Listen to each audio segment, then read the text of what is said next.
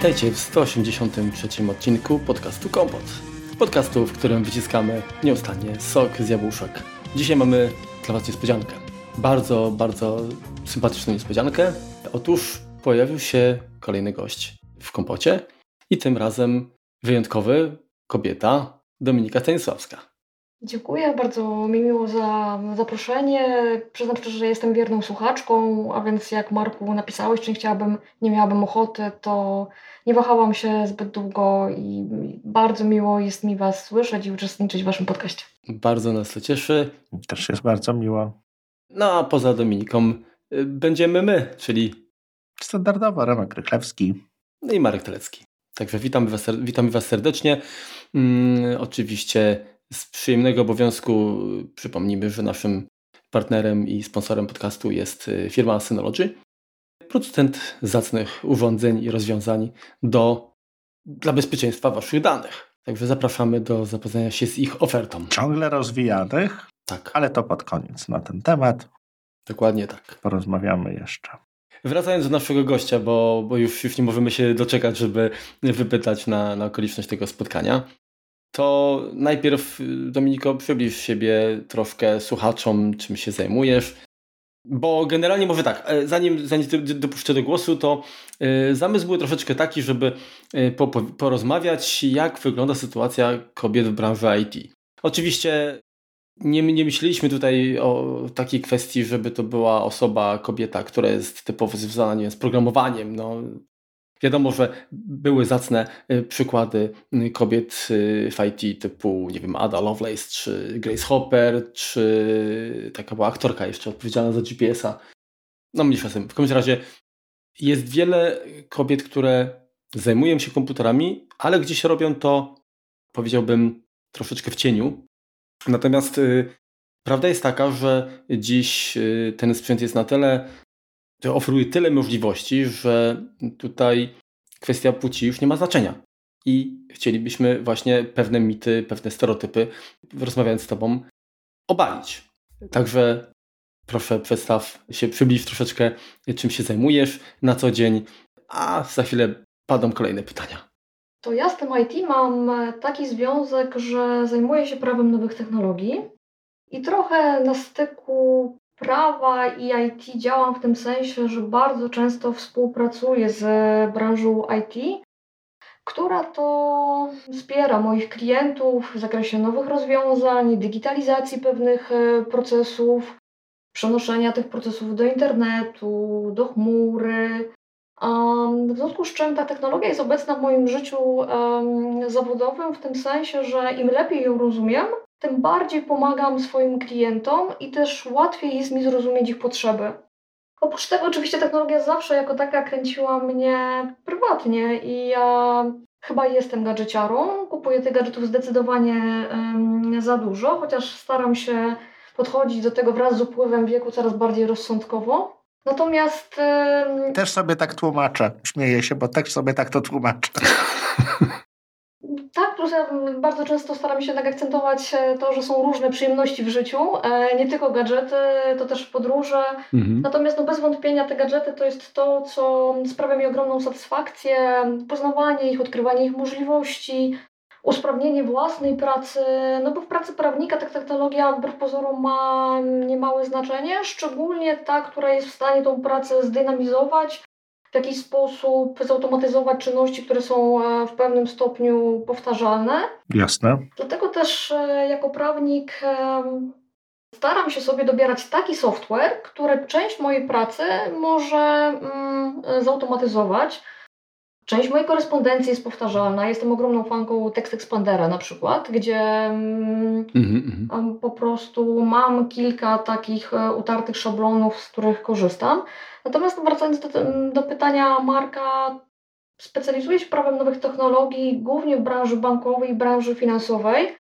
Czasami też wspieram małych deweloperów, a zatem ktoś do mnie przychodzi i mówi Dominiko, ja mam pomysł na aplikację, chciałbym zrobić to, to i to, ale na razie chciałbym na przykład mm, zabezpieczyć samą ideę pomysłu, bo uważam, że ten pomysł jest tak unikatowy, czegoś takiego nie ma na rynku. Ja chciałbym mieć pewność, że osoby, z którymi współpracuję, bo potrzebuję współpracowników, żeby mm, tą aplikację stworzyć, ten serwis stworzyć, e, żeby mieć zagwarantowane, że w tym gronie ten pomysł mm, nigdzie nie wycieknie i nikt mi go nie ukradnie. Jasne. Mhm. Czasami jest też tak, że przychodzi do mnie klient i mówi: Ja mam wiele procesów papierowych, wymagam, żeby osoby, dla których świadczę usługi, przyszły do mnie osobiście, na przykład do placówki, a chciałbym te procesy zdigitalizować. Chciałbym na przykład zapewnić im elektroniczne podpisywanie umów.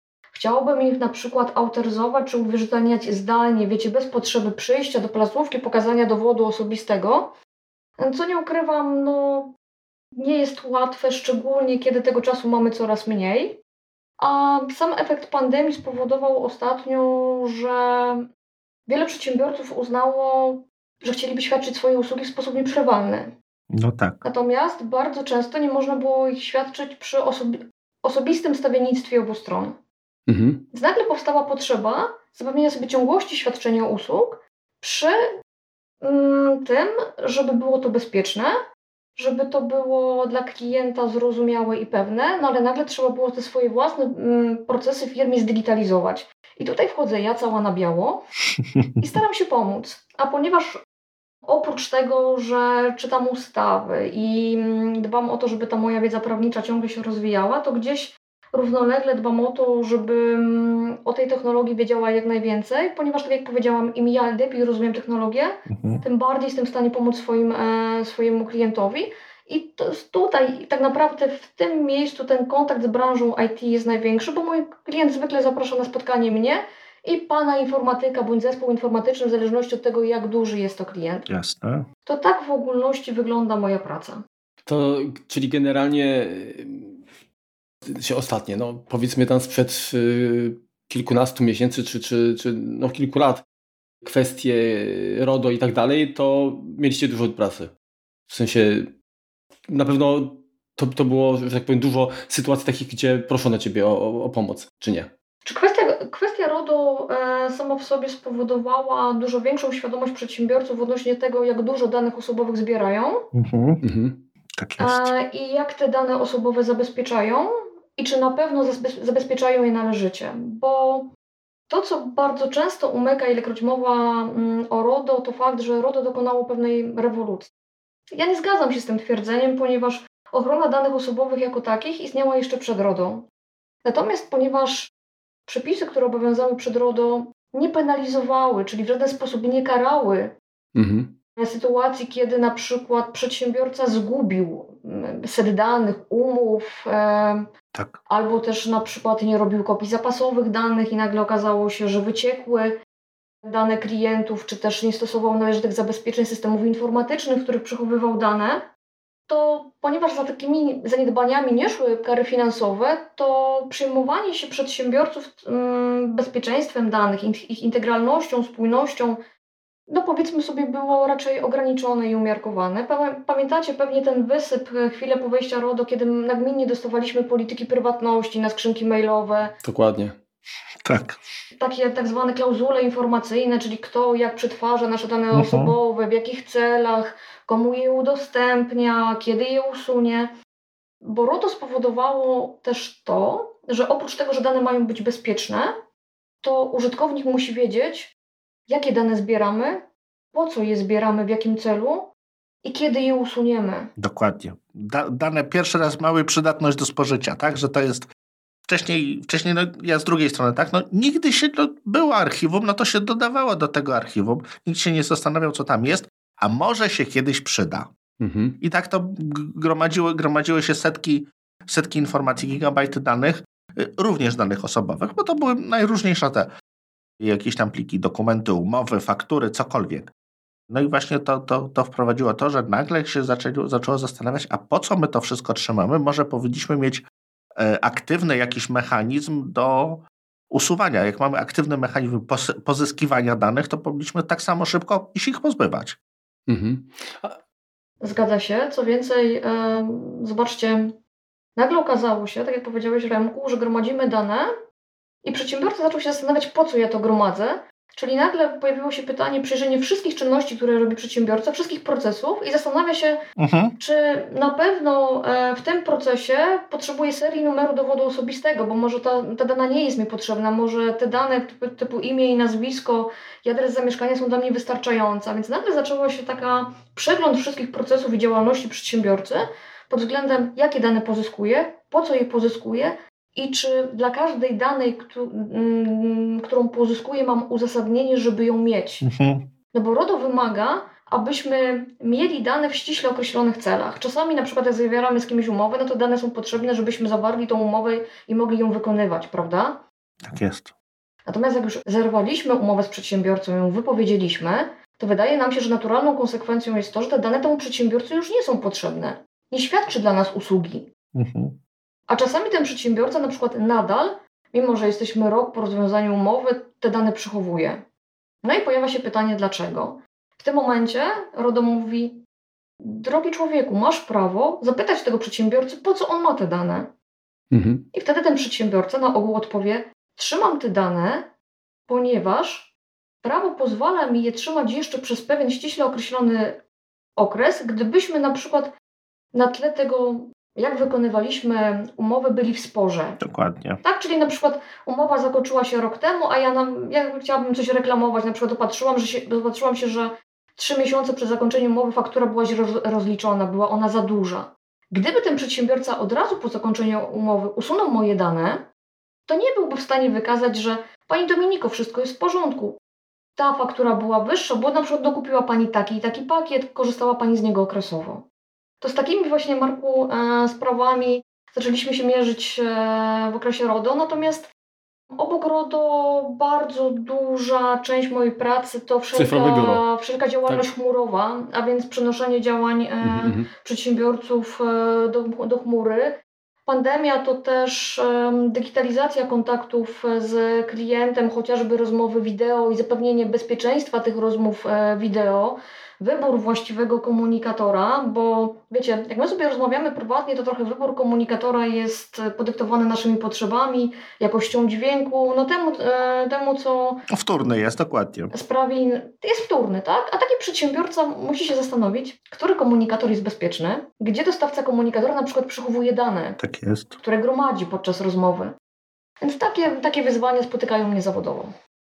Ja myślę, że nie będziesz nafikać na brak pracy, bo y, w tej chwili, y, tak, tak jak, jak wspomniałaś, ta digitalizacja tego, tego wszystkiego i to, jak łatwo w sumie y, tymi danymi manipulować, to stanowi duże wyzwanie i mm, kwestia zabezpieczeń, nie tylko dokumentacji właśnie takiej skanów, tak, ale właśnie nagrań przed ewentualnymi zmianami. No, technologicznie jesteśmy przygotowani do, do naprawdę dużych zmian i, i, i gdzieś ten, że tak powiem, odcisk cyfrowy, yy, jak tutaj on nie będzie zabezpieczony, to naprawdę kiepsko to może wyglądać, nie? Tak, wiesz co, to jest pewien wyścig. Yy, wyścig z jednej strony potrzeba ułatwienia kontaktu z klientem, pozwolenie mu zrobienia wiele rzeczy zdalnie, a jednocześnie świadomość tego, że to, co klient robi zdalnie, musi być równie bezpieczne, w stosunku do tego, jeżeli klient daną czynność wykonywał na przykład w placówce czy w oddziale. Mhm. Czyli czynność wykonywania zdalnie. Jakiś proces nie może być mniej bezpieczny. Mhm. Powiecie, elastyczność, wygoda klienta, komfort, oczywiście, ale są przecież takie podmioty, które nim udzielą nam jakiejś informacji, muszą mieć absolutną pewność, z kim rozmawiają. Bo na przykład, no ja nie chciałabym, żeby o stanie mojego konta bankowego dowiedział się ktoś inny niż ja. No, dokładnie. Naturalnie. No. A jednak tą informację mogę w różny sposób uzyskać zdalnie, prawda? Tak. Natomiast nim ją uzyskam, to podmiot, który mi ją przekazuje, powinien mieć pewność, że przekazuje ją mnie. Tak jest. Kurczę, powiem Ci, że no, ja, ja, tylko powiem tyle, że wiedziałem, że jesteś, ciekawy, jesteś, jesteś ciekawym gościem, na pewno masz ciekawą pracę, ale y, po tych y, kilku minutach rozmowy z jednej strony ci zazdroszczę, bo, bo to jest mega ciekawy temat, z drugiej strony jestem przerażony, jak, jak, jak, jaki to jest y, też obszerny y, zakres działań, nie? No. Także szacunek. Wiesz, to, to jest z jednej strony obszerny zakres działań, natomiast jak popatrzysz, to też jest mm, dość e, wąska specjalizacja. Mhm. No bo jednak, e, jednak e, żeby dobrze coś, zro coś robić, to swój kawałek tortu musisz znać wybitnie, Natomiast ja nigdy nie uważam, że znam e, cały kawałek tortu w tym sensie, że na przykład nie powiem Wam, że specjalizuję się w prawie karnym. No nie, nie znam go, tak? Mhm. Mhm. E, na tyle dobrze, żeby móc e, zupełnie profesjonalnie zawsze pomóc. Oczywiście ja na, na, na tyle, na ile potrzebuję, znam pewne ogólne zasady, natomiast um, ścisła specjalizacja w dziedzinie, którą ja uprawiam, czy to prawo nowych technologii, prawo bankowe i finansowe, pozwala mi to, to raczej być profesjonalistką w tym, co robię. Na brak wyzwań nie, na, nie narzekam, na dużą odpowiedzialność również, ale ja mam dużą przyjemność z tego, co robię. Znaczy, to jest jedna z rzeczy, które się nauczyłem na, studiu, że, na studiach. To jest to, że można być albo wąskim i głębokim, czyli znać jakiś temat, y, powiedzmy, niezbyt szeroki, natomiast dogłębnie, albo być płytkim i szerokim. Ty z tego, z tego co mówisz, łączysz te dwie rzeczy, bo te kwestie informatyczne masz szerokie rozeznanie, powiedzmy nie bardzo głęboko, natomiast y, Mm. potrafisz y, mówić po informatycznemu z tego, z tego, co, z tego co, co opowiadasz, czyli w jakiś tam sposób kojarzysz te technologie, kojarzysz, co można jakby uzyskać od tych ludzi, a z drugiej strony potrafisz dogłębnie, dogłębnie się zająć kwestiami prawnymi. Te, te, tego też właśnie wycinka, o, o, którym, o którym mówiłaś. Ja zaryzykuję stwierdzenie, że zrozumienie technologii jest prostsze niż zrozumieniem często A i na pewno. ustaw i języka prawniczego. No wiesz co, no, no zgadza się, no mieliśmy teraz to kwestię tam zmian, zmiany podatkowych, tak? Ja to czytałem, przepraszam, ale mi po trzeciej linijce po prostu mózg się wyłącza, bo to jest napisane takim językiem, że ja po prostu tego, znaczy pojedyncze słowa rozumiem, treść rozumiem, ale nie trafia to do mnie zupełnie. Jest to tak napisane, żebym ja tego nie zrozumiał. Tak, ale z drugiej strony powiem Wam, jak rozmawiam z informatykami, to też zauważam taki bardzo dobry trend, gdzie informatycy coraz lepiej mówią o technologii dla osoby, która nie jest informatykiem. Świetnie pracują nad e, komunikacją, szczególnie kiedy mam dużego klienta, który ma Mhm. spory zespół IT, który będzie coś dla niego robił. Ja muszę rozmawiać z tym zespołem IT, ponieważ muszę zrozumieć, jaka to będzie technologia, co, kiedy będziemy, gdzie przekazywać, jakie dane. Jasne. I powiem Wam, że bardzo cenię sobie informatyków, którzy potrafią mi w bardzo prostych słowach powiedzieć, co się zadzieje. Mhm. Bo oczywiście oni są mi w stanie zalać żargonem, ale to nam w niczym nie pomoże. Ale to też lekarz ci może ci powiedzieć Ja też widzę trend. bardzo mądrze, że ty nic nie zrozumiesz. Tak właśnie każdy, tak naprawdę każdy, ty też językiem prawniczym też jesteś w stanie, podejrzewam, że zalać każdą, każdą rozmowę, żeby wyjść na koniec na kogoś, kto jest bardzo obeznany w temacie, natomiast nie przekazać żadnych informacji przy okazji. Tak, tylko to wiesz, to zależy od tego, jaki mamy cel, bo naszym celem jest to, żebyśmy wszyscy wyszli ze spotkania z takim poczuciem, że się rozumiemy, Dokładnie. że Dokładnie. mamy coś e, ustalone, no bo za to, że ja zaleję kogoś e, żargonem e, prawniczym, a nie przepraszam za kolokwializm, ale plus 500 do lansu mi nie, nie wzrośnie. E, a po drugie, no stracę swój czas, czas klienta, który no, raczej prędzej czy później skorzysta z usług osoby, którą ma szansę zrozumieć. Zgadza się.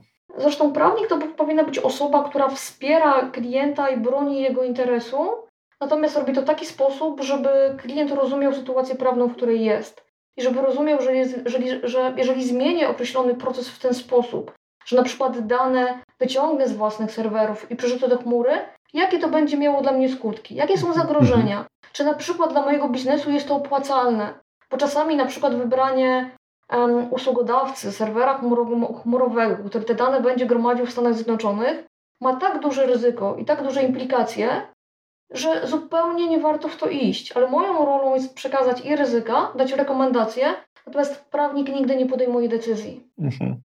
To jest, e, to jest e, to klient, znając wszystkie możliwe wyjścia i konsekwencje tych, tych wyjść, musi wybrać, którą stroną e, i drogą chce iść. Więc tutaj komunikacja jest podstawą. Na przykład, natomiast ja czuła, chylę czoła przed kolegami z IT, którzy moim zdaniem wykonują świetną pracę, żeby dla osób spoza branży być e, zrozumiałymi.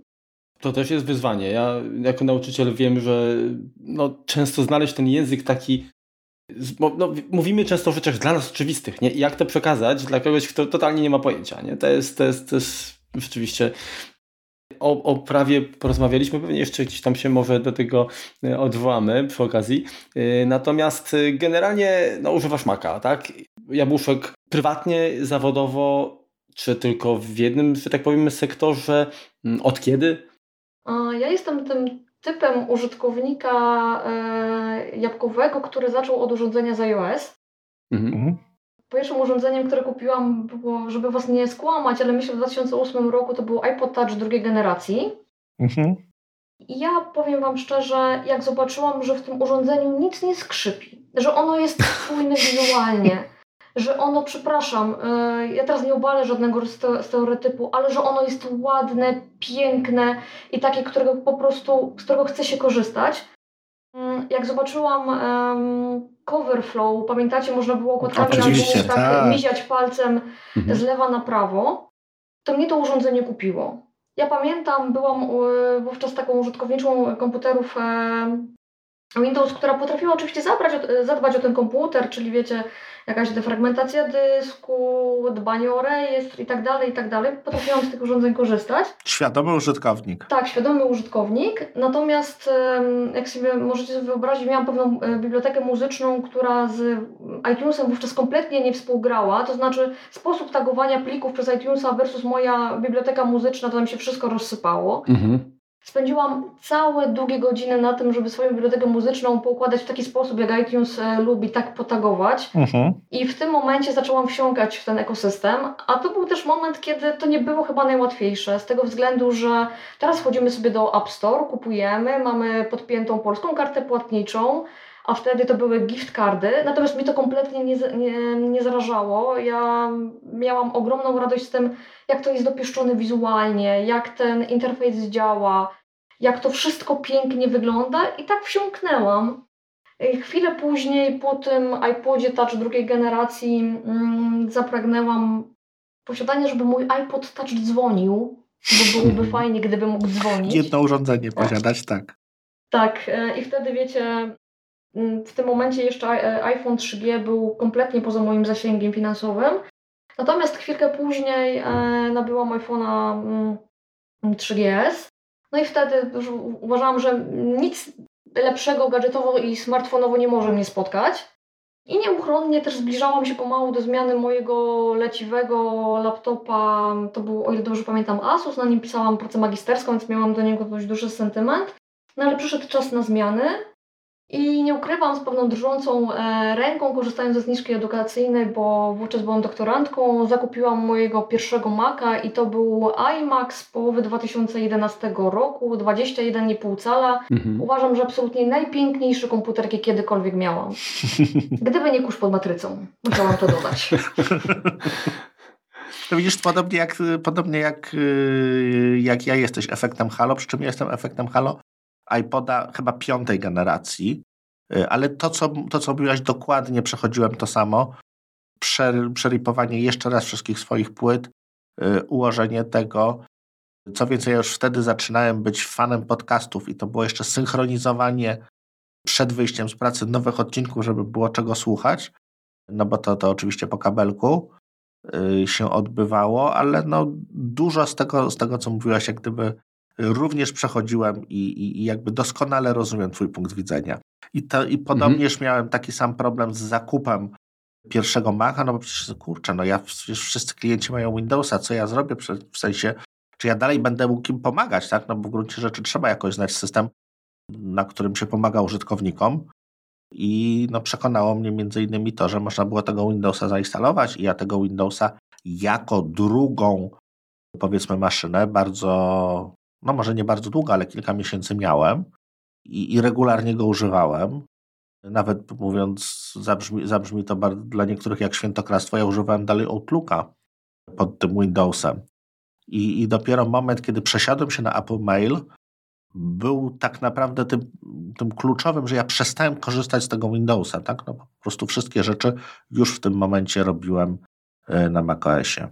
Dominika, a powiedz mi, y, bo wspomniałeś, że kupiłeś tego iMac'a y, i generalnie to było tak, że ten twój komputer zakupiony, czyli, czyli prywatnie, on też jakby służył do, mm, do zastosowań służbowych, czy nie wiem, po prostu otrzymywałeś jakieś inne komputery jeszcze tam, nie wiem, z firmy z Windowsem i, i pracowałeś przez jakiś czas na, w dwóch jakby środowiskach, czy, czy od razu po prostu przejście to była totalnie zmiana obozu i, i dostosowałaś jakby cały swój, całe swoje życie tak naprawdę i zawodowe i prywatne do, do tej platformy z jabłuszkiem?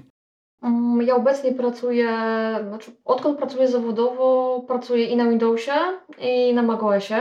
Mhm. Dlatego, że w zależności od tego, z jakim przedsiębiorcą czy ogólnie klientem e, pracuję, to czasami jest tak, że to klient dostarcza mi sprzęt, na którym mhm. ja pracuję i bardzo często jest to jakiś laptop z Windowsem, oczywiście w odpowiedni sposób e, zabezpieczony.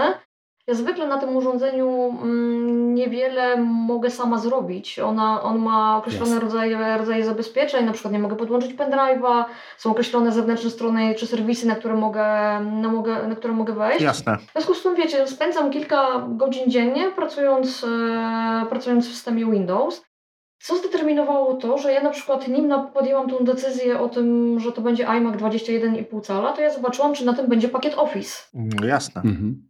Wiecie, ja nie mogłam, ja wiedziałam, że jest Pages, wiedziałam, że jest Keynote, ok, natomiast ja wiedziałam, że ja potrzebuję działającego pakietu Office, no bo bez tego bym się nie przesiadła, mhm. a też nie chciałam na Macu instalować Windowsa. Ja chciałam wsiąknąć, tak jak wsiąknęłam w iOS i wszystkiego się nauczyłam, tak chciałam wsiąknąć, wsiąknąć w OS X, żeby po prostu korzystać z tego, co ten system mi daje. Natomiast yes. musiał mieć pakiet Office, dlatego że w mojej pracy pracuje się w 90% na dokumentach typu Word, rzadziej na dokumentach typu PDF, bo one, bo one raczej stanowią pewną finalną wersję naszych mhm. uzgodnień, umowy czy wzorca. Pracujemy na Wordzie.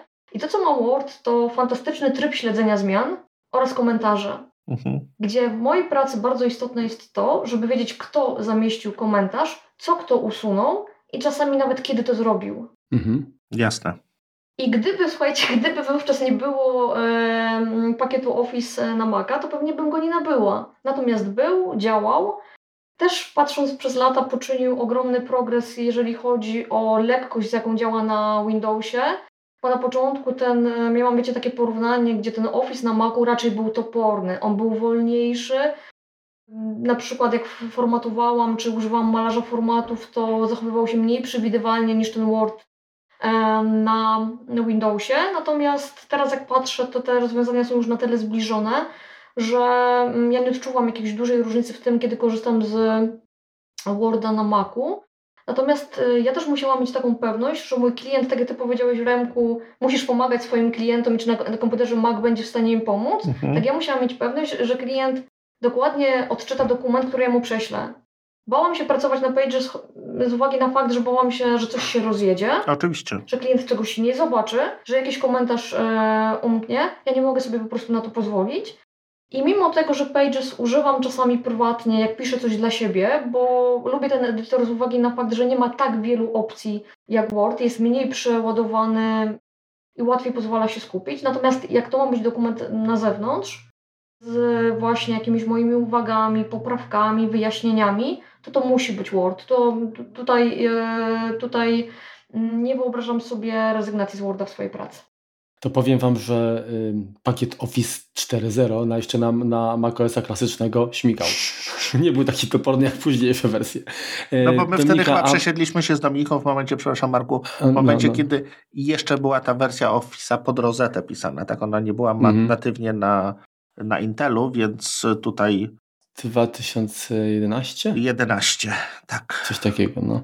W każdym razie pytanie mam jeszcze odnośnie mm, tej pracy, bo skoro pracujesz, y, no właściwie przeniosłaś się z Windowsa na Maca, jednocześnie y, też jakby korzystasz y, z komputerów z Windowsem, czyli jakby widzisz jak, jak ten system ewoluuje, no i miałaś jakieś oczekiwania, no bo korzystałaś e, z systemu mm, na iPodzie mm, Touchu, tak? E, korzystałaś e, z iOS-a na 3GS-ie, tak? No to wiadomo, że to cię byłaś zadowolona z tych rozwiązań. No i przesiadka na Maca, czy jak zakupiłaś Maca, to był pewnie tam macOS pewnie Snow Leopard, albo... Ja miałam Snow Leoparda, miałam no Snow właśnie. Leoparda jako pierwszy macOS. Okej, okay. i pytanie, jak on, jaki był Twój odbiór tego systemu w porównaniu do Twoich doświadczeń z Windowsem? Czy coś Cię rozczarowało w tym macOSie? Wiesz co, y, ja się bardzo dobrze przygotowałam do zakupu Maca, ponieważ y, kosztował mnie tak dużo pieniędzy, że nie mogłam sobie pozwolić na pomyłkę w tym zakresie.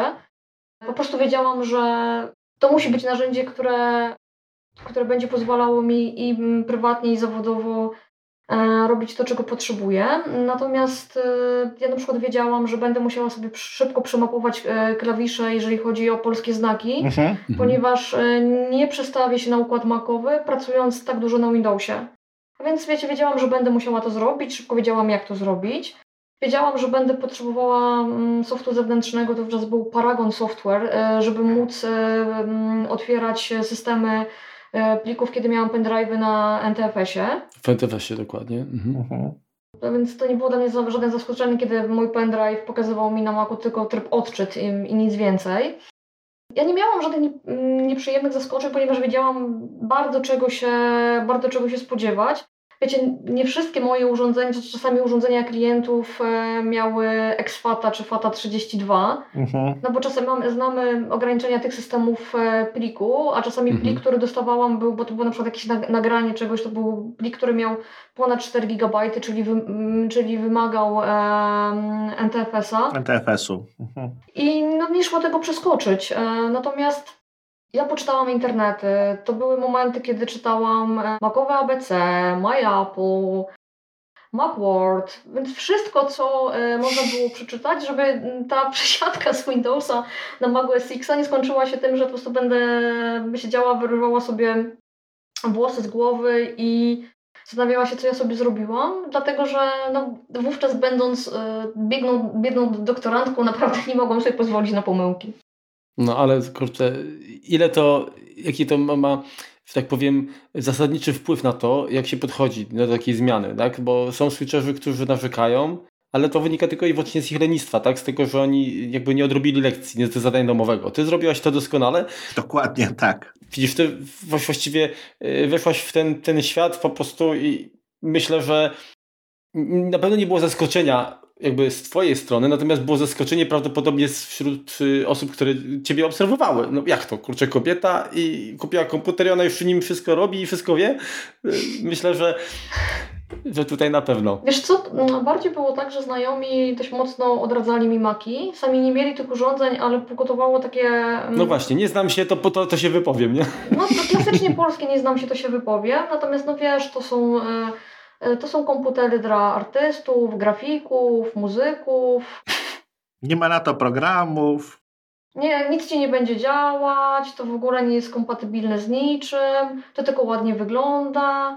Natomiast e, ja doceniam opinię, ale sama lubię podjąć e, świadomie decyzję, a im dłużej sprawdzałam, to miałam wrażenie, że ja się w MagOSie odnajdę całkowicie. Co więcej, wiecie, dla ja postrzegałam to wówczas jako coś, nauczę się dwóch różnych systemów operacyjnych. No pewnie. To może mi się kiedyś zawodowo przydać, mm, bo może któryś z klientów e, właśnie w tym środowisku będzie pracował. Ja nie żałuję, ja jestem przykładem e, tego podejścia, że raz spróbujesz Maca, już z Maciem pozostaniesz, bo od tego Maca, e, przepraszam, do tego iMac'a zaczęła się moja przygoda, później pojawił się MacBook Pro z Retiną, teraz korzystam z e, Maca Mini, więc jest pewna stałość, em, stałość już, że kolejne urządzenia to są tylko komputery e, Apple, ale wiecie co, jednocześnie ja też świadomie, mm, jak ktoś mi pyta opinię, Dominika, chciałbym zmienić komputer. Wiecie, no ludzie w biurze rozmawiamy, ja też staram się im powiedzieć, e, na co muszą się przygotować, jak przychodzą na Maca, że wiele rzeczy jest podobnych, ale jest sporo różnic. Natomiast mam wrażenie, że im e, lepiej się na to przygotują, tak jak powiedziałeś Marku, tak to nie jest bolesne, tam, e, tak mają właśnie przyjemność z korzystania. No bo słuchajcie, ja nie ukrywam, dla mnie po przesiadka z Windowsa na Maca spowodowała, że mój komputer uruchamiał się w sekundę. No tak. Mhm. Znaczy dla mnie to było e, coś zdumiewającego, że otwieram klapkę i to działa. Czeka na ciebie właściwie od razu. Czeka, cze- czeka na, na mnie, co więcej pamiętam moje, gdzie skończyłam, e, jest gotowe do pracy, zamknę klapkę. Ja miałam na przykład takie problemy z komputerami typu Windows, że one z z hibernacji nie były w stanie wstać. Bardzo częsty problem. Jeżeli miałam jakiś, tak, jeżeli miałam jakiś dokument, na którym pracowałam, no to moja praca raczej nie została nigdzie zapisana.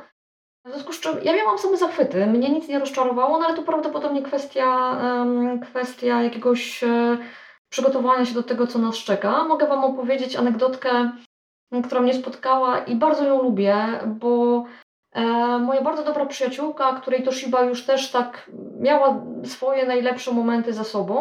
Ładnie to określiłaś. Wiecie, była takim, miała takie, mm, była już ciężkim laptopem, który potrzebował odpowiedniego czasu, żeby się uruchomić, czyli można było sobie iść, zrobić mm, kawę w kuchni, przyjść, on był wówczas gotowy do pracy.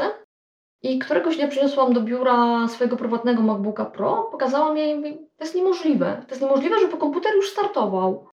Porozmawiałyśmy, ona ostatecznie kupiła wówczas MacBooka R, natomiast pamiętam, zadzwoniła do mnie po dwóch godzinach i mówi, Dominika, ja kocham ten komputer.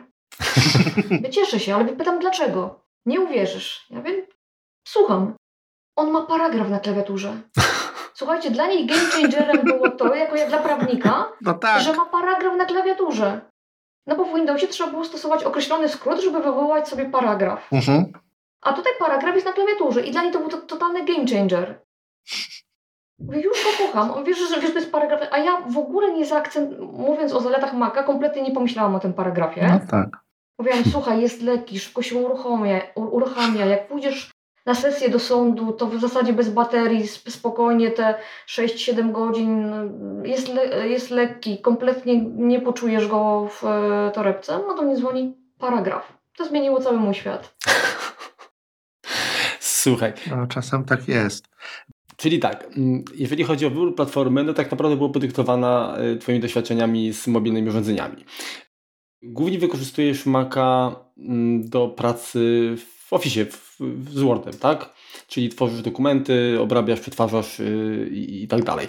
Yy, powiedz mi, czy jako prawnik masz jakieś bardzo takie wyrafinowane, określone wymagania odnośnie oprogramowania i, i bezpieczeństwa też danych. No, wspomniałaś, że, y, że wykorzystujesz na przykład tekst, tekst Expandera, no, który Ci oczywiście ułatwia pracę, tak? bo możesz tam jakąś automatyzację y, zintegrować y, y, i tak dalej, ale czy generalnie właśnie poza mm, Office'em y, jakieś specyficzne programy e, instalujesz na, na, na swoim Macu po, po, po, po każdej że tak powiem, przesiadce?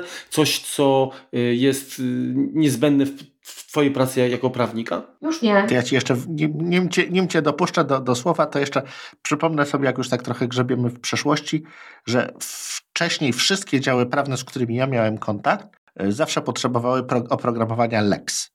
I to było 100 lat temu, to było nie do ruszenia, to przychodziło na jakichś płytach i zawsze był potrzebny Lex, ale ostatnio przestałem o tym słyszeć. Ale już, już Ci zostawiam głos. Dokładnie o tym chciałam powiedzieć. E, nim ja rozpoczęłam pracę zawodową, to Lex, o którym mówisz, był dostępny tylko na płytach i miał jakiś plik wykonawczy, który działał tylko i wyłącznie na Windowsie. Tak jest co powodowało, że albo jeżeli ktoś miał Maca, no to Botcamp Windows, albo Parallels i ten Windows. Na szczęście chmurne czasy mamy już za sobą. Lex Remco nadal występuje, natomiast działa on w każdej przeglądarce. Okay. Po prostu wchodzisz na stronę www.lex, chyba.pl mhm. E, i tam wybierasz sobie, tam się po prostu logujesz, e, podając swój e-mail, hasło i w zależności od subskrypcji, którą masz, dostajesz e, dostęp do określonych modułów Lexa, co powoduje, że tak naprawdę jak mam dostęp do dowolnej przeglądarki, mhm. mam dostęp do wszystkich aktów prawnych, komentarzy, orzecznictwa. Natomiast z punktu widzenia mm, faktycznie osób, które musiały korzystać z płyt, no mm, to był koszmar. I tego nie dało się przeskoczyć, dlatego że to jest nieodzowne narzędzie pracy każdego prawnika. Obok Lexa jest Legalis, ale działa na dość podobnej zasadzie. Mhm. Też teraz jest dostępny przez, e, przez po prostu dowolną, e, dowolną przeglądarkę. Natomiast wcześniej to programowanie przychodziło na 5-7 płytach DVD, kiedyś na kilkudziesięciu płytach CD. E, teraz na szczęście, tak jak mówię, tylko przeglądarka, co więcej, mm, sami twórcy mm, tego oprogramowania też poczynili ogromny postęp, ponieważ świetnie działa Alex na iPadzie, bardzo no, fajnie wyświetlają tak. się tam akty prawne, bardzo fajnie można je eksportować do e, PDF-a, robić sobie pewne notatki. No widać, że e, też popatrzę, jak popatrzę, słuchajcie, szerzej po e, kolegach i koleżankach, no to komputery Mac już nie są rzadkością. W moim zespole, w którym pracujemy w 15 osób, mniej więcej 70-80% osób używa komputerów Apple. Bardzo często w parze z tym idą e, iPhony, czasami Apple Watch, AirPodsy, gdzieś nagle pojawia się mm, iPad, ludzie wsiąkają. I z punktu widzenia obecnie pracy prawnika, naprawdę nie ma najmniejszego znaczenia, czy ja ją wykonuję na Windowsie czy na Macu. Oczywiście ja staram się tak pracować, żeby dostęp do ważnych dla mnie plików, umów, dokumentów mieć e, w takich chmurach, które bez problemu działają na obydwu systemach. Ja korzystam z mm, e, OneDrive'a od Microsoftu uh-huh. i też korzystam jako backupu z e, iCloud Drive'a. Natomiast zupełnie, zupełnie jeżeli ktoś zastanawiał się, zastanawiałby się na tym, czy prawnik jest w stanie pracować na macOS, bez najmniejszego problemu. Mhm. To, ja, to ja pociągnę temat, bo generalnie y, miałem jedno z pytań, to, to takie po pierwsze, czy jesteś paranoiczką, jeżeli chodzi o bezpieczeństwo, tak, hasła, backupy i te sprawy, mm, no bo jako prawnik to z jednej strony dbasz o to, czyli, czyli, czyli jakby wiesz po co, po co to jest, jaka jest zasadność tego, mm, jako osoba odpowiedzialna tym bardziej, ale wiadomo, że no, są osoby, które, że tak powiem, troszeczkę przesadzają też, yy, wiesz, zaklejanie kamerek, wszystkie tam różne rzeczy, oczywiście ja tego nie kwestionuję, bo każdy robi to co, to, co uznaje za jakby konieczne i stosowne, ale tak yy, pytanie, czy, no nie wiem, korzystasz yy, chociażby z takich rozwiązań jak YubiKey, tak, te, te, te, te klucze i tak dalej, żeby dodatkowo zabezpieczyć y, dane na komputerze, no, no bo generalnie y, zgodzisz się z tym, że Mac ma sporą przewagę, jeżeli chodzi o bezpieczeństwo danych, bo mamy chociażby, nie wiem, mm, kwestie mm, Touch ID, które tam blokuje, tak, y, dostęp. Mamy Firewall, tak, czyli szyfrowanie dysku, tak? T2 zmienił przecież też mocno kwestię bezpieczeństwa, tak? Więc porównując to z PC-tem, no Mac tutaj wygrywa w przebiegach, tak? Mm, pytanie, czy, czy to wystarcza, czy, czy, czy ty ze swojej strony jesteś jeszcze bardziej jakby wymagająca i, i, i na, na jakim poziomie, o jakim poziomie, że tak powiem, możemy tutaj mówić, nie? Bezpieczeństwa, potrzeb w tym zakresie? Ja troszeczkę inaczej podchodzę do mm, backupowania danych zawodowych, a trochę inaczej do danych prywatnych. Mhm. Jeżeli chodzi o dane zawodowe, mm, to backupuję je na dwóch dyskach zewnętrznych, które są szyfrowane takie dokumenty, które nie zawierają tajemnicy przedsiębiorstwa, nie zawierają danych osobowych, są pewnymi pustymi wzorami, których potrzebuję w swojej pracy, no bo jak już wiecie, napisałam kilka różnego rodzaju umów, to czasami czerpię z nich inspirację i potrzebuję ich po prostu. I je spokojnie trzymam, na, e, trzymam je też jako backup na OneDrive i na iCloud Drive. Mm, na, iCloud, e, na iCloud Drive. Mam jeszcze całe archiwum e, mailowe swojej pracy zawodowej i po prostu mam backup pliku PST, czyli archiwum Outlooka. Jest to, to, jest to, to y, dla mnie dość mocno elastyczne y, rozwiązanie, że ten plik PST ja sobie podłączę pod każdego Outlooka, czy on będzie na Windowsie, czy na macOSie. To wyświetli mi wszystkie maile dokładnie w takim porządku, z takimi etykietami, podfolderami, jak ja sobie y, to organizuję, żeby Mm, bez problemu znaleźć jakiś projekt danego klienta i tak dalej, więc no bardzo skrupulatnie i mocno podchodzę do zabezpieczenia sobie rzeczy, które są dla mnie zawodowo istotne, ponieważ ja nie mogę stracić żadnego maila. Ja czasami potrzebuję um, odnieść się do tego, co było 5 lat temu, co uzgodniliśmy i co może napisałam w danym mailu i czasami e, nawet jaki dokument załączyłam, czy załączyłam właściwy dokument to tutaj taki plik PST mam na dwóch dyskach e, zewnętrznych i jeszcze mam go lokalnie na komputerze. Nie wiem, czy to paranoja, ale mam, mam wrażenie, że dwa dyski zewnętrzne to, to wystarczający mm, poziom bezpieczeństwa. Korzystam, jeżeli chodzi o backup e, samego Maca, nie korzystam z tej Machine, bo ona niestety kiedyś mnie zawiodła. I korzystam e, z Carbon Copy Cleanera. Mm. Natomiast jeżeli chodzi o kontent taki stricte prywatny, to chyba największą, największe znaczenie mają oczywiście dla mnie zdjęcia, notatki, e, takie podręczne rzeczy i tutaj um, ufam iCloud Drive. E, mhm. Zdjęcia jeszcze na zasadzie drugiego backupu mam w też OneDrive, ponieważ ja korzystam z subskrypcji e, Microsoftu, całego tego pakietu, też tego, e, tej przestrzeni OneDrive mam tam e, mhm. e, znaczną ilość, w związku z czym plus też wiecie, Fajnie da się tam zarządzać plikami, udostępniać. No jest to dość wygodne i dla mnie bardzo elastyczne rozwiązanie. Nie wiem, czy to już jest paranoja, mam wrażenie, że to takie zdroworozsądkowe zachowanie. Oczywiście jestem też tylko człowiekiem i ostatnio zrobiłam update, przedostatnio, przepraszam, zrobiłam update do macOS 12.3. Nie zrobiłam sobie uprzednio um, kopii, e, żadnego, żadnego backupu. I padłam ofiarą buga, który powodował, że mój e, zewnętrzny monitor nie był widoczny. Mhm. Kompletnie dla komputera nie wybudzał się. Powiem Wam uczciwie, byłam bardzo zła na siebie, bo nie byłam w stanie przywrócić sobie systemu do poprzedniej wersji. Co oznaczało, że przez mniej więcej dwa tygodnie, póki Apple nie wydało łatki, włączyłam i wyłączyłam komputer więcej razy niż odkąd korzystam e, z mm, urządzeń firmy Apple, jeżeli chodzi o komputery, ponieważ to był jedyny e, motyw na to, żeby mój zewnętrzny monitor LG, który mam podpięty do Maca Mini, wybudzić. Okej. Okay. No ale to pocieszające, że, że wiesz, no, wszyscy popełniamy tego typu błędy. Ja też, też mam podobne, podobne na, na sumieniu, niestety, na swoich danych. To, to, to jest na, na swoją obronę tylko mogę powiedzieć. Ale dobrze, e, powiedz może, jak to wygląda wśród Twoich znajomych, przyjaciół, współpracowników, jeśli jaki jest tam procent kobiet, jeżeli chodzi o użytkowników, ale takich świadomych komputerów, tak? Że nie używam komputera jako, jako maszyny do pisania, ładny, tylko, tylko, tylko jako konkretnego narzędzia, tak, tak, jeżeli chodzi, chodzi o Apple, tak? No mówiłaś, że jest dużo, ale czy to jest dużo na zasadzie, bo to jest fajne, czy dużo, bo to rzeczywiście rozwiązuje jakiś problem? Wiesz co, dużo, bo to jest fajne, lekkie, długo trzyma na baterii, ma fajny ekran i jest w zasadzie bezproblemowe, jeżeli chodzi o jakieś takie, wiecie, utrzymywanie. Bo to są często osoby, które co jakiś czas ich Windows wymagał reinstalacji, bo mm, zakorkował się, ten komputer nie działał już tak szybko, działał wolniej, wolniej, wolniej. Uh-huh. A tutaj jednak oni mają poczucie, że wraz z upływem lat ten komputer nie zwalnia. W tym sensie, że w ramach czynności, które wykonują, te ich dokumenty otwierają się dokładnie tak samo szybko.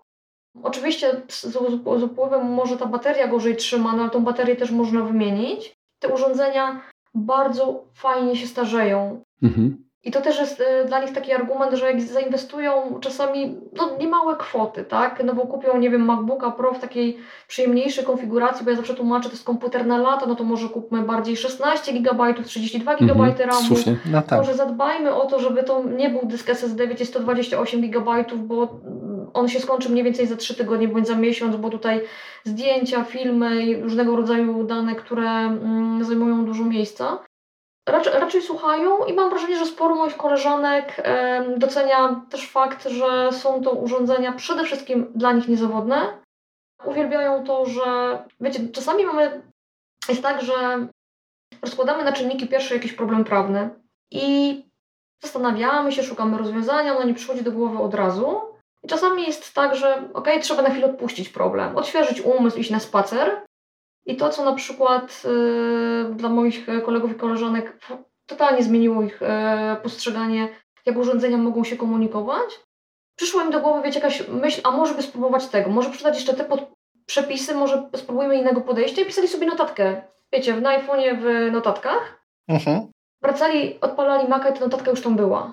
Oni takiej, to jest, jeżeli się nie siedzi na co dzień tak jak wy w technologii, to jest coś, co robi efekt wow. Zgadza się to dla nich zmienia, bo mogą rozpocząć pracę na iPhone'ie, na iPadzie, skończyć ją na Macu, bo nie ukrywajmy, jednak praca na wielu dokumentach, e, które trzeba odpowiednio mm, sformatować, przygotować do wysłania dla klienta jest dużo wygodniejsza na Macu.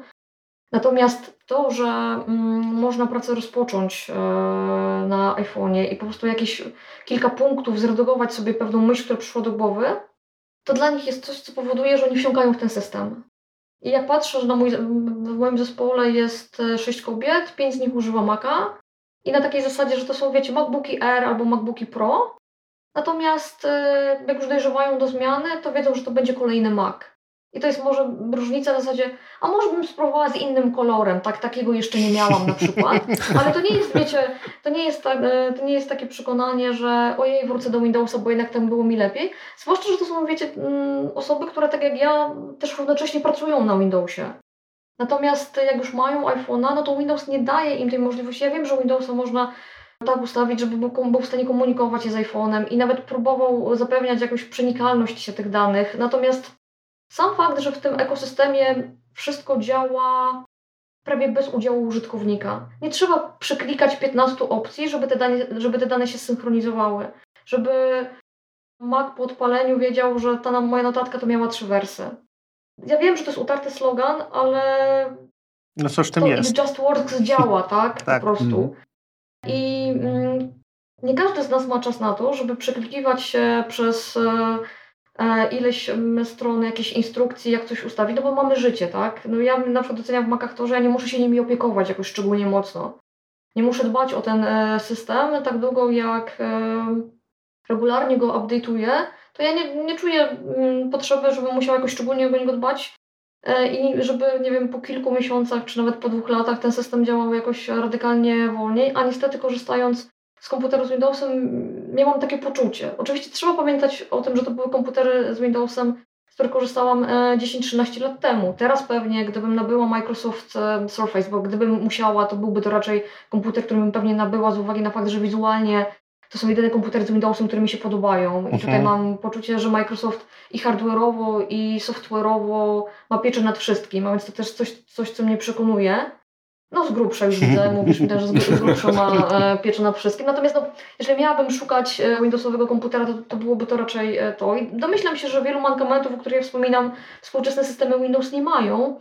Natomiast no, nie ma w nich nic, co by, co by spowodowało, że ja chciałabym porzucić to, to bezpieczeństwo, to zaufanie i to mm, poczucie tego, że ja mogę bezproblemowo realizować swoją pracę, które daje mi macOS. Mhm. Wiecie, ja nie wymagam, żeby urządzenia, które mam, miały 100 funkcji.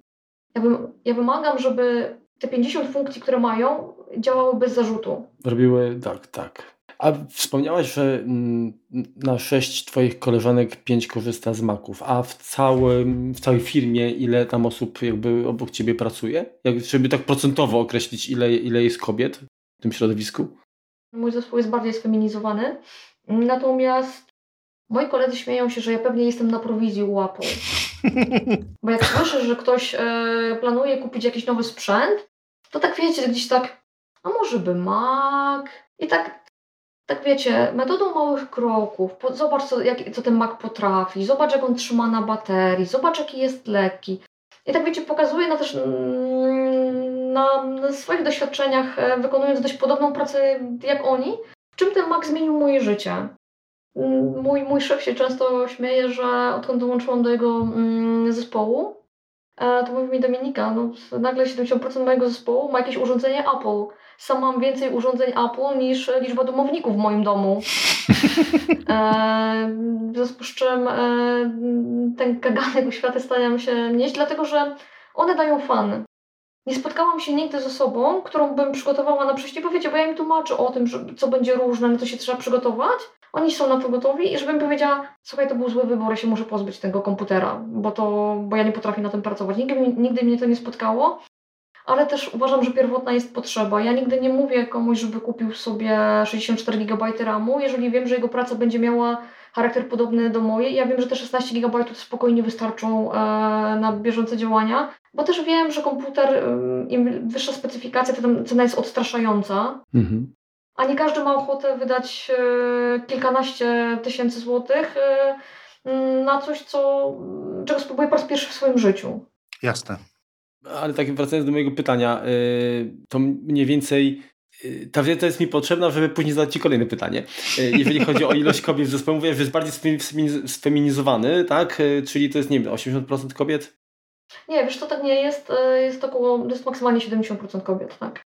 To teraz kolejne pytanie, bo spotykasz się, jak wspomniałaś, no, bardzo często z osobami płci przeciwnej, tak, z mężczyznami, którzy Wie, wielu z nich to są też informatycy, tak? Informatycy, którzy pewnie pracują na, na komputerach różnych, i Macach, i, i, ale głównie jednak pewnie na, na rozwiązaniach mm, opartych o Windowsa, jakieś serwerowe i tak dalej, yy, często.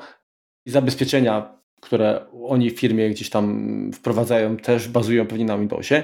I teraz yy, chodzi mi o to, czy zdarzyło się tak, no bo patrzę na Ciebie jak na prawnika, a nagle okazuje się, że że ty wiesz o co chodzi. Wiesz jak, jak, jak z nimi rozmawiać, wiesz, wiesz na co zwrócić uwagę.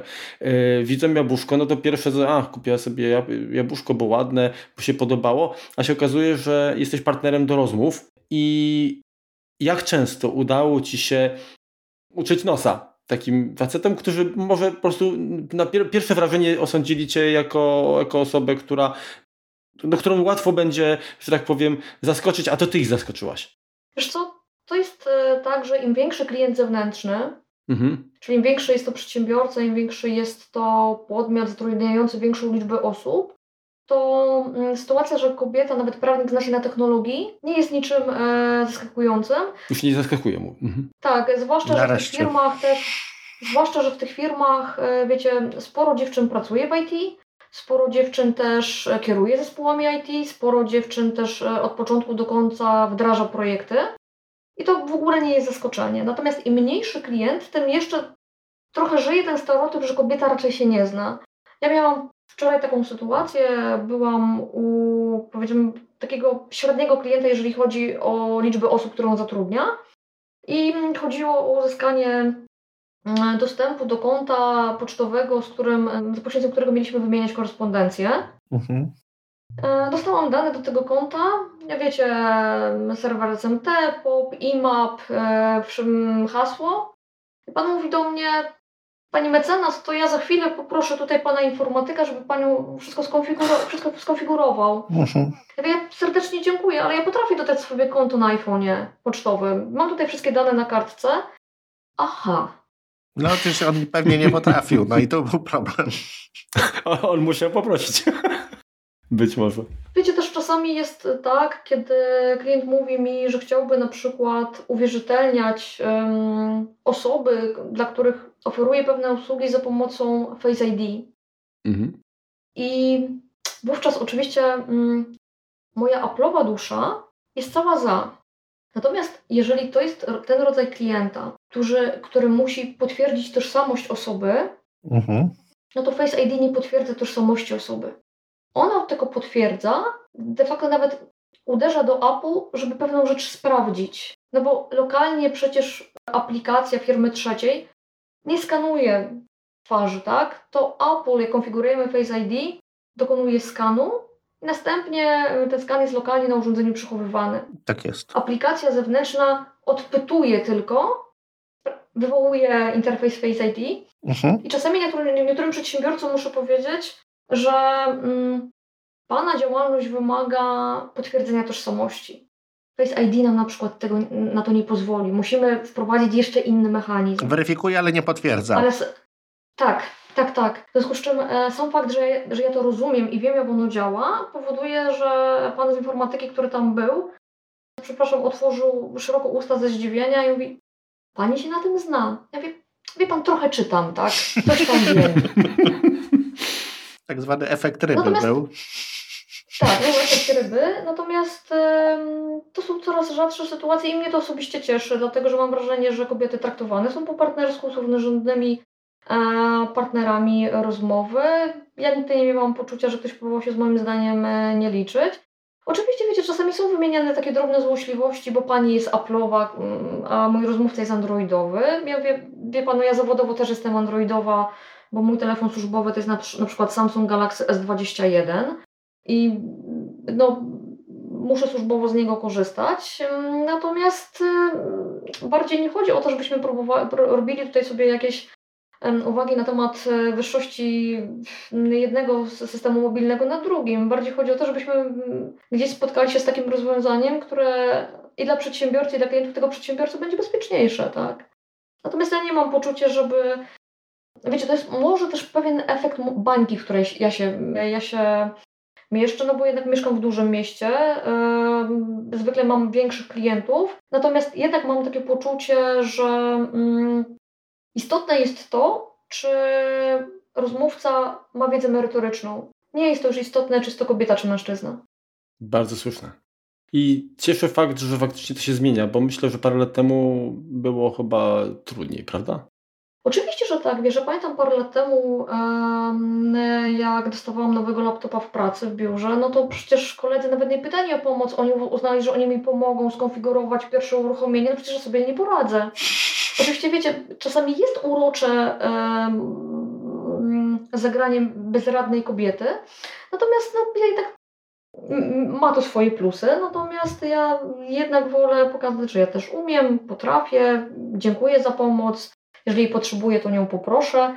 Natomiast my też kobiety potrafimy, zdecydowanie. Właśnie, a jak już mówimy, y, właściwie cały czas mówimy o, o rozwiązaniach y, z jabłuszkiem. Y, powiedz, no bo generalnie masz Maca Mini, tak? Czy to jest Mac Mini z M1? Czy, mm, niestety czy jest na Intelu? No ale to, a, a w ogóle korzystasz, tak? Przepraszam Cię, mam Maca Mini z M1, tak, bo ja a. zrobiłam update, tak. No, super. Yy, iPhone'a aktualnie jakiego masz? Trzynastkę?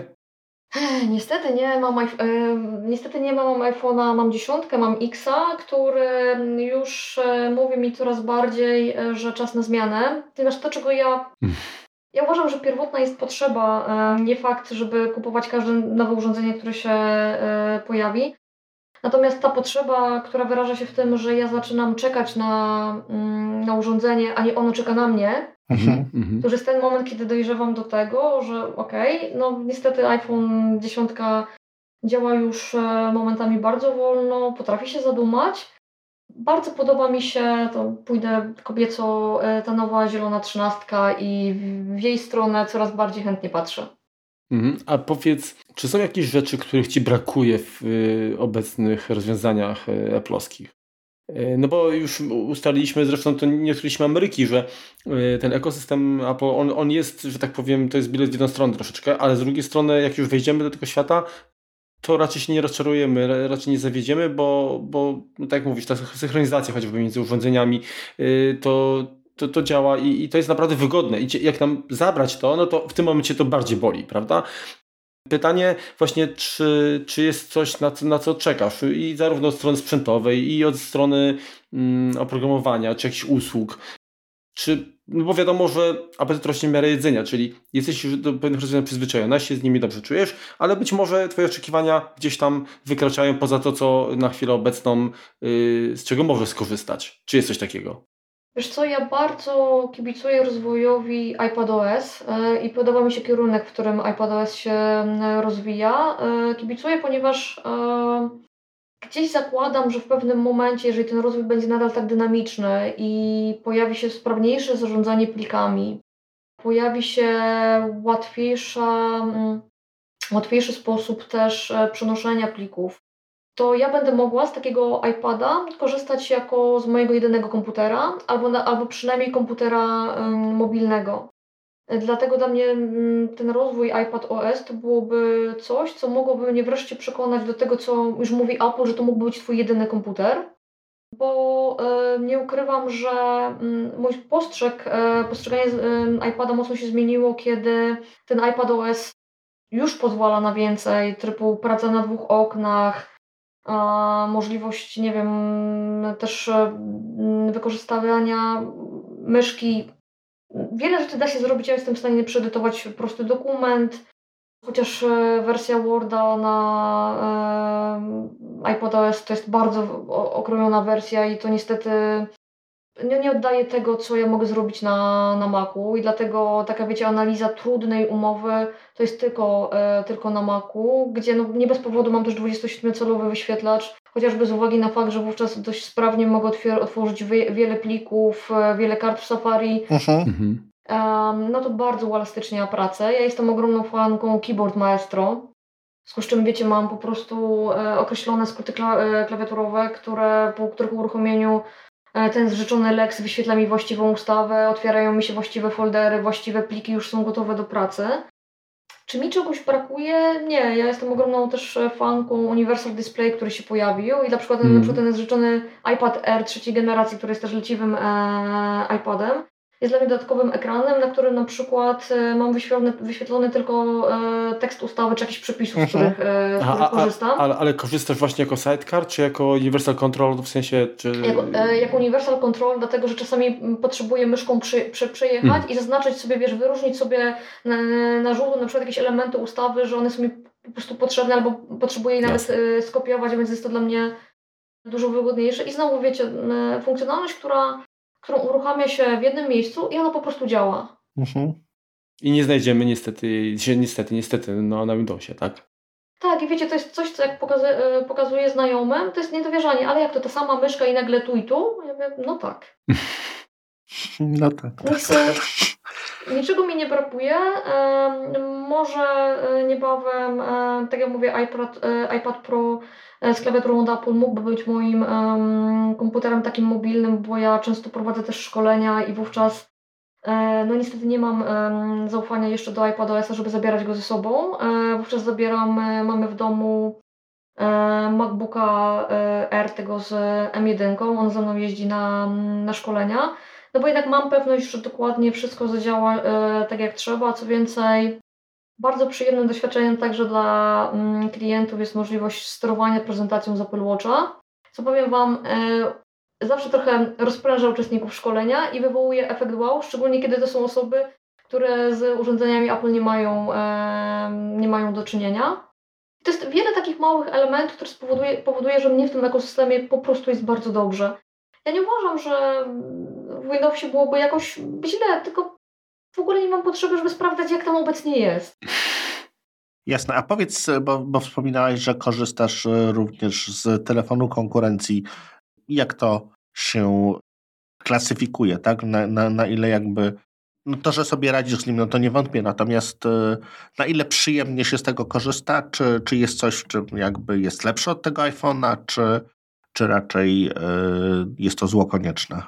Hmm, ja wypowiedziałam się już o tym na Twitterze, że Samsung Galaxy S21 jest świetnym urządzeniem, natomiast zupełnie nie dla mnie, ponieważ mnie bogactwo opcji trochę przytłacza. Ja szybko nie jestem tam znaleźć, w stanie znaleźć potrzebnych mi funkcji. Pewnie oczywiście wy, wy, wynika z, to, z tego, że siłą rzeczy nie korzystam z niego tak często jak z iPhone'a. Mhm. Natomiast mnie mierzi niespójność wizualna e, Androida. Dla mnie tak każda aplikacja wygląda inaczej. I ja rozumiem, że tam jest jakiś zamiar Google, żeby z czasem te przynajmniej aplikacje Google'owe wyglądały tak samo. Natomiast wiecie, jak odpalam iPhone'a, to ja po prostu czuję się jak w domu. I ja mam świadomość, że ten Android ma wiele opcji, ja wie, wiele rzeczy prześlę po Bluetoothie i tak dalej.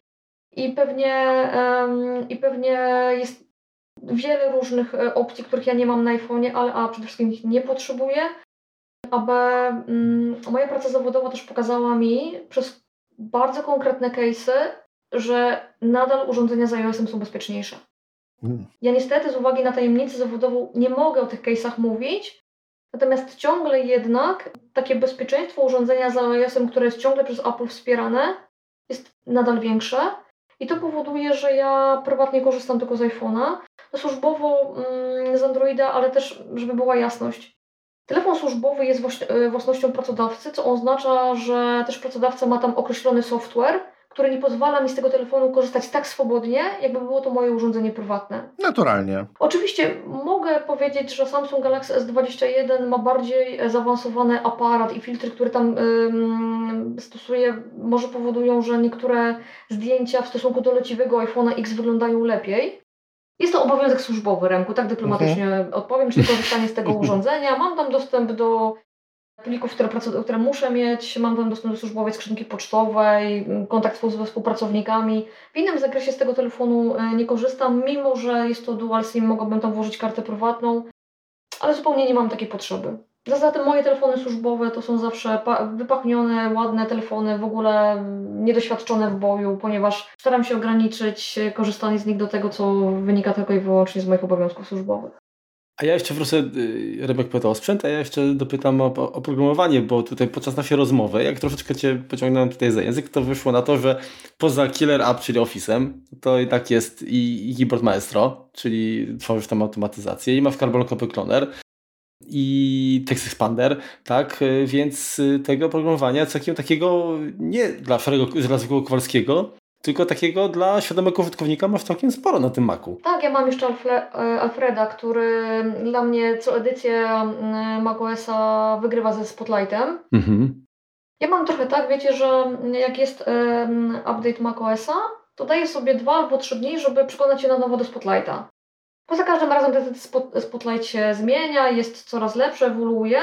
I po tych trzech dniach y, ciągle wracam do Alfreda z Powerpackiem, bo nadal w jednym, w jednym wierszu, bo wiecie jak wygląda okienko Alfreda, ja mam i App Launchera, świetnego szukacza plików, po frazie, po fragmencie pliku, po tytule pliku, ja zarządzam z poziomu Alfreda komenda, e, komendami systemowymi typu uśpi wyświetlacz, uśpi Maca.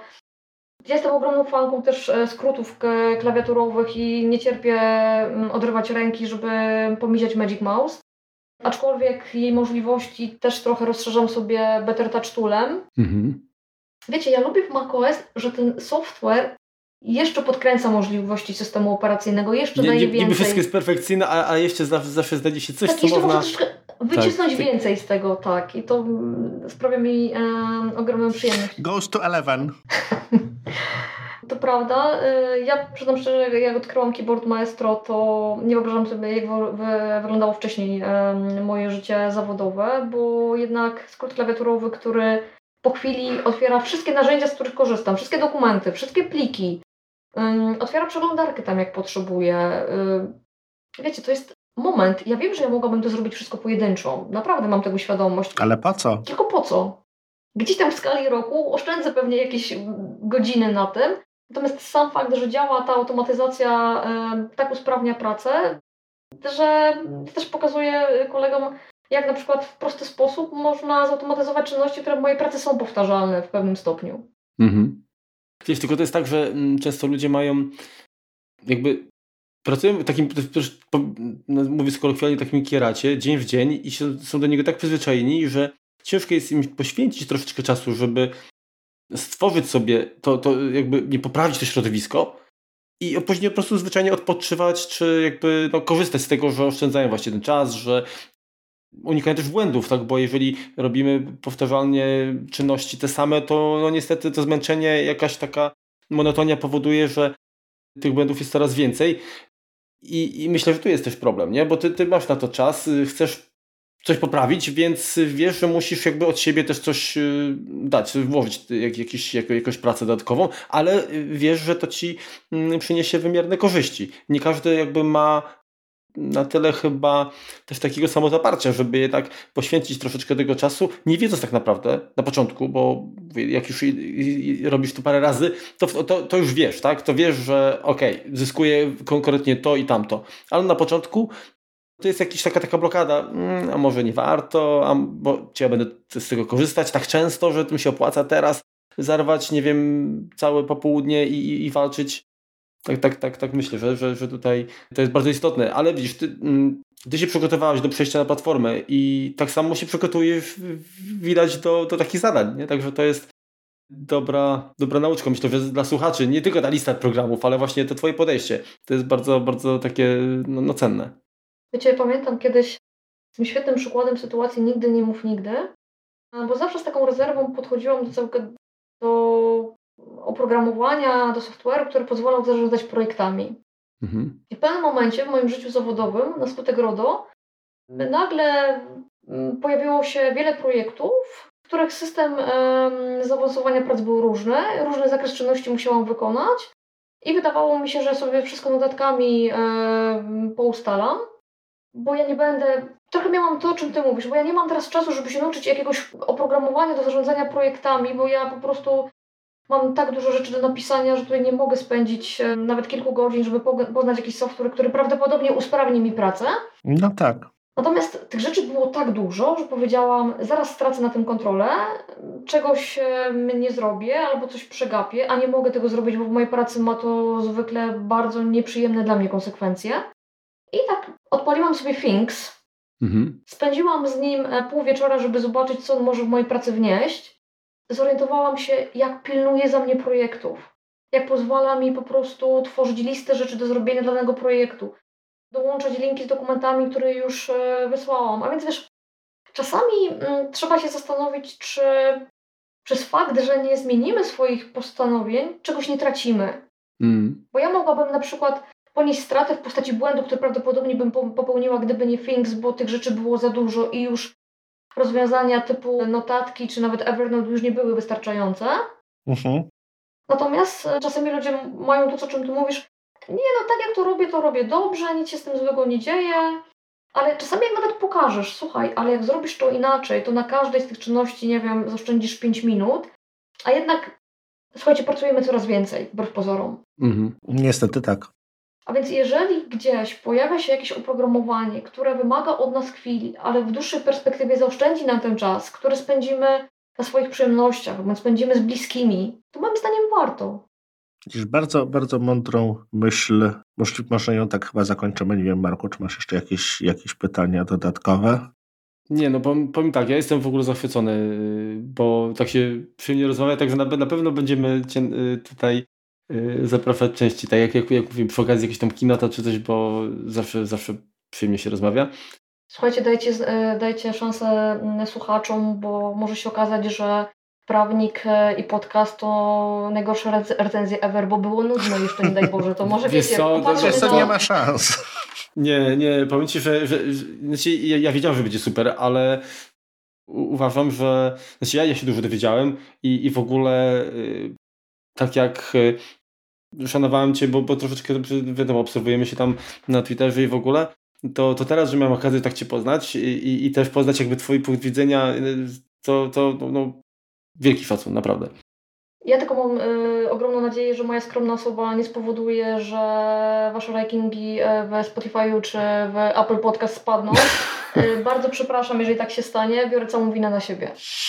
Absolutnie tak nie będzie. Nie będzie, poza tym my się tymi cyferkami nieszczególnie przyjmujemy. Hmm. Dobrze, już mi jest trochę lepiej. Dobrze, to teraz zgodnie z tradycją przejdziemy do tipa odcinka. Oczywiście tip związany jest y, z rozwiązaniem naszego sponsora, czyli firmą Synology.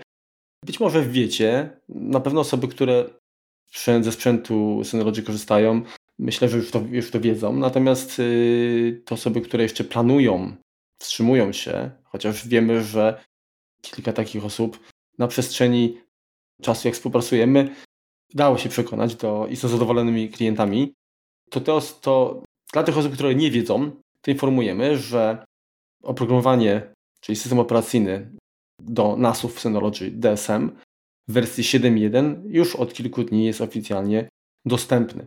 Natomiast dla taka mała uwaga, dla osób, które posiadają. I nie jest to już beta, można ją instalować tak. w środowiskach produkcyjnych. To ja zawsze muszę takie swoje powiedzieć. Przepraszam, Marku, ale wiesz. I słusznie, dziękuję, dziękuję.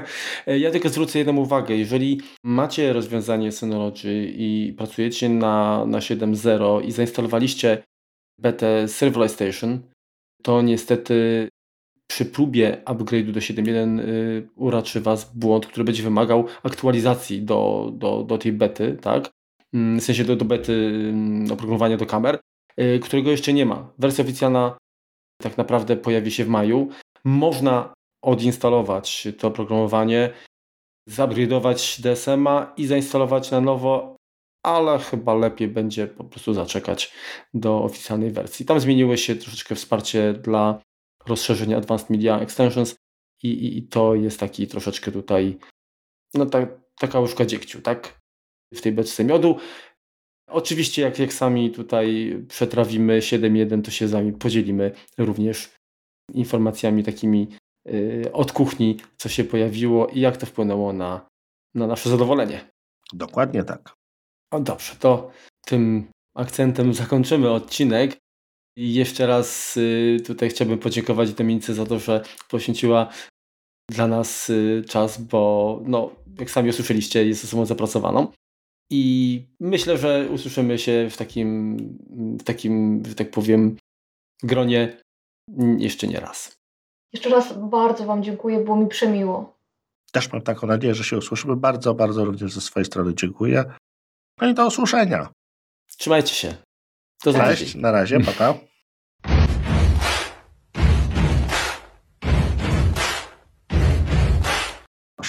Tak, świeci się na ładnie na pomarańczowo, także możemy... Tak, śliczniasta. Zaczynać. Dobra, kurde, nie wziąłem nic do picia, ale jakoś będzie dobrze. Czyli jak... Pe... Mm, przepraszam. Ruski idzie na chuj! Jeszcze raz! Ruski idzie na chuj!